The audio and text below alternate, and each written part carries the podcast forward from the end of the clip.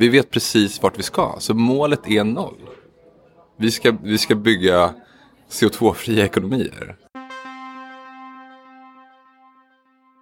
Hjärtligt välkommen tillbaka till Heja Framtiden eh, med mig Christian von Essen. Vi sitter på Tech-arenan Summit. Och jag sitter här med en av vinnarna i årets eh, Startup Pitch-tävling, eller vad man nu säger. Einar Bollström från Climate View, medgrundare. Välkommen till podden. Tack, kul att vara här. Och eh, grattis till fint pris. Vad var det ni vann rent konkret? Okej, okay. jag tror att det hette AI and Technical Excellence, kanske, Award. Som du hör så är jag överraskad över att ha vunnit det. Varför är du överraskad? Helt ärligt så tror jag en kombination av att jag har vunnit väldigt få priser i mina dagar. Jag har alltid spelat i mediokra idrottslag.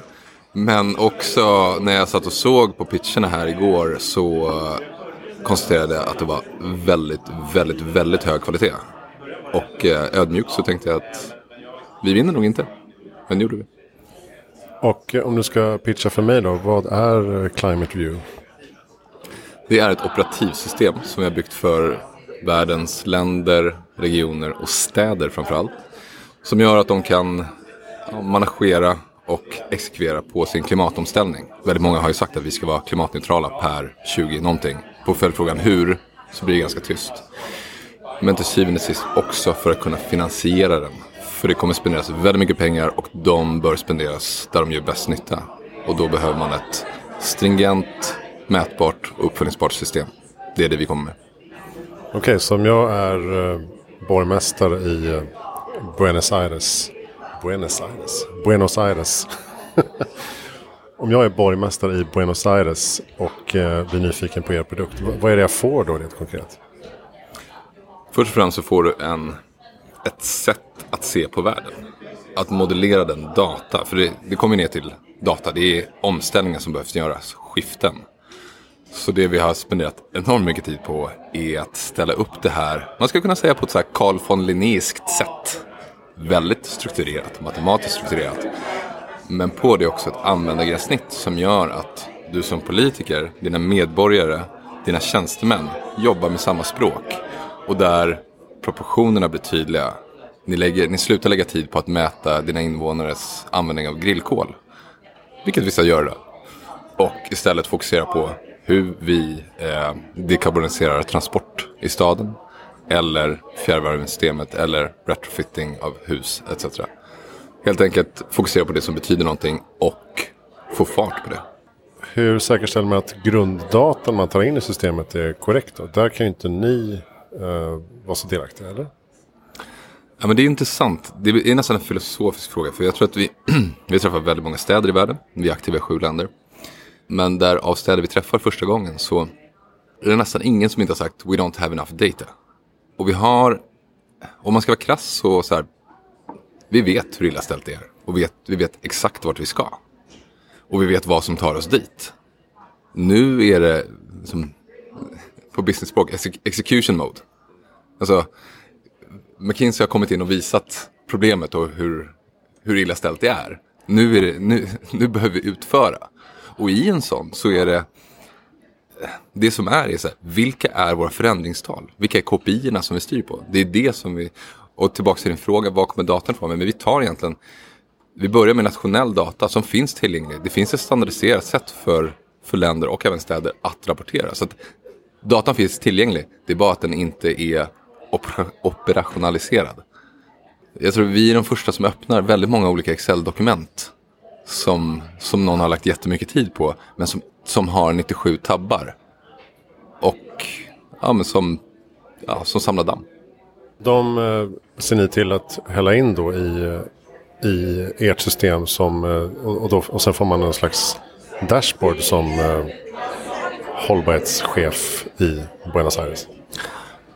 Ja, det är hyfsat väl beskrivet. Eh, men inte bara för hållbarhetschefen det vi ger hållbarhetschefen är språket för hen att prata med finanschefen och att prata med borgmästaren och därigenom att prata med invånarna. För vi gör ett SAS-verktyg för en demokrati. Och problemet just nu är att det är väldigt dåligt sorterat och det är väldigt dåligt presenterat. Det är det som vi försöker råda bot på.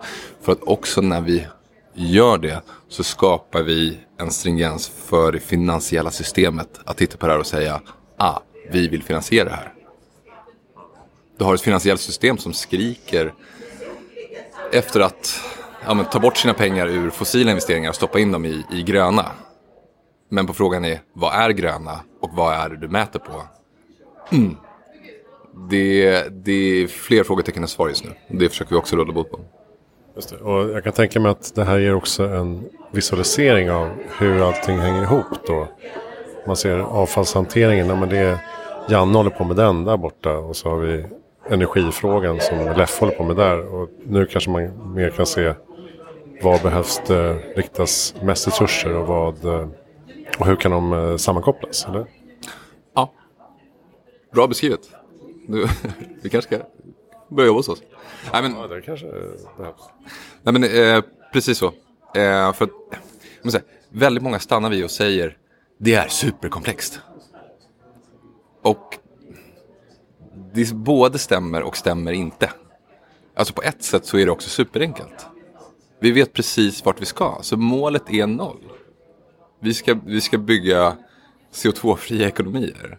Men, men i och med att saker och ting påverkar varandra så är det som att den upplevda komplexiteten gör att man ja, men nästan, det blir nästan paralyserat.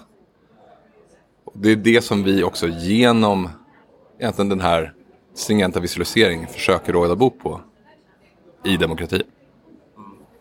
Ja, jag vet, kommer inte ihåg vem det var jag pratade med. Där jag sa så här, ja det är en väldigt komplex fråga. Och personen bara, nej.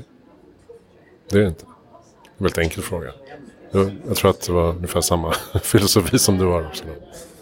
Ja, men om man, om man, om man ser på det med, med, en, med en annan lins och tänker så här, okej. Okay, vi som samhälle har aldrig haft en egentligen mer, mer distinkt och, och ska säga, rakt fram, eh, straight forward fråga. Så här, vi vet vart vi ska noll. Vi vet vilka saker som tar oss dit. Vi vet typ på decimalen hur, med, med undantag för typ återvätning av våtmark. Man har inte riktigt kommit fram till exakt där. Men så att egentligen finns förutsättning och, och ska jag säga att så här, vi är också djupt motiverade att göra det. Alltså det är en existentiell fråga. Vi måste göra det för att bibehålla den civilisation som vi ser framför oss nu, eller i alla fall i närheten av det. Så att grundförutsättningen är där. Det är ganska enkelt. Men vi gör det svårt. Men eh, tittar ni bara på klimatparametrar eller även liksom eh, vatten och lufthantering, eh, luftföroreningar och social hållbarhet, sådana saker? Sättet som vi har modellerat det på eh, så kommer vi absolut kunna addera sådana aspekter. Alltså där biodiversitet är självklar men också de som du nämner. Så de kommer kunna byggas på efterhand. Men det som ju också är liksom vår, ja, men vår grundreligion är att vi måste bygga det här rigitt. För att om du börjar, om du börjar titta på korskopplingar för tidigt, då havererar det. Utan vi är fortfarande enbart fokuserade på liksom, CO2, CO2-ekvivalenters omställningen. De andra bitarna kommer komma exakt när vet jag inte. Men eh, det, kommer definitivt eh, komma till i, i modellen. Och ni vann ju pris inom eh, AI och tech-kategorin. Vad är det för typ av eh, AI ni använder? Eller hur använder ni AI? Sättet som vi har byggt på är egentligen optimerat för en AI-applikation. Ja, men som man kommer bort från Excel-arken helt enkelt. Ja, Excel-arken har sina begränsningar. De saknar hierarkier. Men de, they rule the world. Eh, och vi, så här, krasst så måste vi komma ifrån det. För det den enda som förstår Excel-arket är den som har skapat det. I alla fall i klimatvärlden. Jag brukar fråga, vissa tycker det här är en jobbig fråga att få um, utan att ha förberett sig. Men uh, det är bästa tips för att göra världen bättre i framtiden? Jag är ju såklart väldigt fokuserad på klimatet. Eh, och där skulle jag säga att det är att bli, bli politiker det, jag tror att jag har träffat 500 personer som har klagat på att politiker gör för lite. Jag har hittills träffat noll personer som, nej en faktiskt, som har sagt att jag ska bli politiker. eh, och det tycker jag är en, är en liksom folksjukdom hos, i vår tid där vi ska titta oss själva i spegeln. politiker eller politiska aktivister eller vad som helst som påverkar. Nej, politiker. Ja, men vi, alla vill ha en demokrati men ingen vill vara en politiker. Och jag tycker att vi sitter och, ja, men vi sitter och gnäller i liksom, vi gnäller och ger lite åt saken så här. Alla vill ha en fungerande bostadsrättsförening, ingen vill vara ordförande. Alltså, det är dags att kavla upp ärmarna. Då kanske vi måste bort från den här drevmentaliteten eh, också. Att någon har twittrat något för fem år sedan och ska därmed hängas. Eh, Att man kan få vara lite mer förlåtande. Att politiker faktiskt är människor. Känner jag. Ja, jag instämmer helt och hållet. Eh, vad är din bakgrund? Du sa att du har varit eh, filmare tidigare i livet. Precis. Eh, jag hoppade av universitetet och startade en filmbyrå som vi kallade för Radon. Då. Och som sen blev en kommunikationsbyrå men där vi gjorde, vi har gjort väldigt mycket olika dokumentärfilmer tidigt också. Eh, så att den här micken som jag pratar i nu, som du håller i, var min favoritmick när jag åkte runt i världen. Jag gjorde en film som heter Press Post Play bland annat om hur hur liksom kreativiteten förändras när alla kan filma, alla kan göra musik. Det blir en ny kreativ guldålder eller kommer vi drunkna i ett hav av medioker skit? Någon slags där, någonstans däremellan kanske. Ja, eh, eh, slutsatsen i den var ju inconclusive. Eh, så att ja, Bra. Ehm, tack snälla Einar för att du var med i Heja Framtiden och stort grattis igen till fina priset. tack så jättemycket. Heja Framtiden från Techarenan 2021. Jag heter Christian von Essen. Tack snälla för att du lyssnar.